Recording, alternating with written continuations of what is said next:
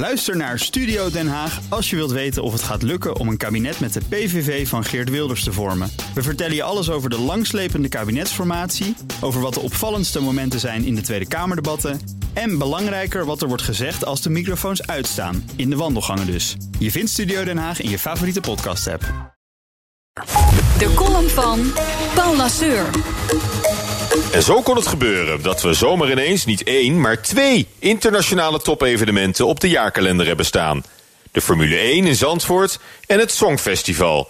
Door de gloedvolle overwinning van Duncan mag ons land de volgende editie organiseren van het Eurovisie Miljoenenspectakel in 2020. Dat kost 30 miljoen euro. Maar daar krijgen we internationale aandacht voor terug.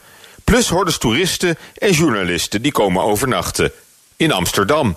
Want dat de hoofdstad met deze prijs aan de haal gaat, staat voor mij wel vast. Ook al stuurden een aantal concurrerende burgemeesters dit weekend meteen al een sms'je aan premier Rutte om het te mogen doen. Den Haag, Rotterdam, Zwolle, Arnhem en Utrecht hebben zich al gemeld. En in het 8 uur journaal kreeg het MEC in Maastricht zondag alle tijd om zijn kandidatuur te bepleiten. Maar ze kunnen zich in Limburg de moeite besparen. Als meest Europese stad van het land, met een eigen vliegveld notabene, zijn ze toch volkomen kansloos. Wat Assen is voor de Formule 1, is Maastricht voor het Songfestival. Ondanks het internationale imago, de superieure faciliteiten en de perfecte bereikbaarheid hebben ze het nakijken. Omdat emotie het wint van de ratio. Amsterdam profileert zich graag als the gateway to Europe en is daarmee onverslaanbaar als droomlocatie voor dit extravagante evenement. Rationele bezwaren spelen totaal geen rol. Nog het feit dat toeristen eigenlijk helemaal niet welkom zijn in de hoofdstad. Amsterdammers hebben een complexe haat-liefde relatie met toeristen. Met hun ratelende rolkoffertjes op de keien van de gracht op weg naar hun Airbnb-adresjes. Straks rinkelt opnieuw de kassa voor dezelfde stad die vorig jaar nog de letters I Amsterdam liet verwijderen, omdat het een te grote aantrekkingskracht uitoefende op toeristen. Onder het motto het is hier geen pretpark, doet de hoofdstad al een tijdje zijn uiterste best om toeristen zoveel mogelijk te weren uit de overvolle binnenstad. Waarom juist daar dan zo nodig het Songfestival houden? Als er zoveel steden staan te trappelen om het evenement te hosten. Amsterdam is ziek.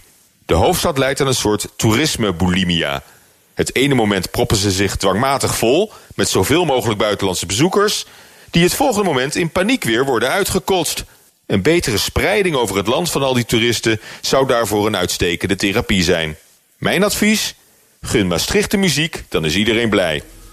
En zo hoort dat bij de jaarlijkse hoogmis van de blijheid. Prettige maandag. Zij Paul Lasseur, onze columnist op maandag. En u kunt zijn column terugluisteren op bnr.nl in de BNR-app. En daar vindt u alle columns en ook alle podcasts.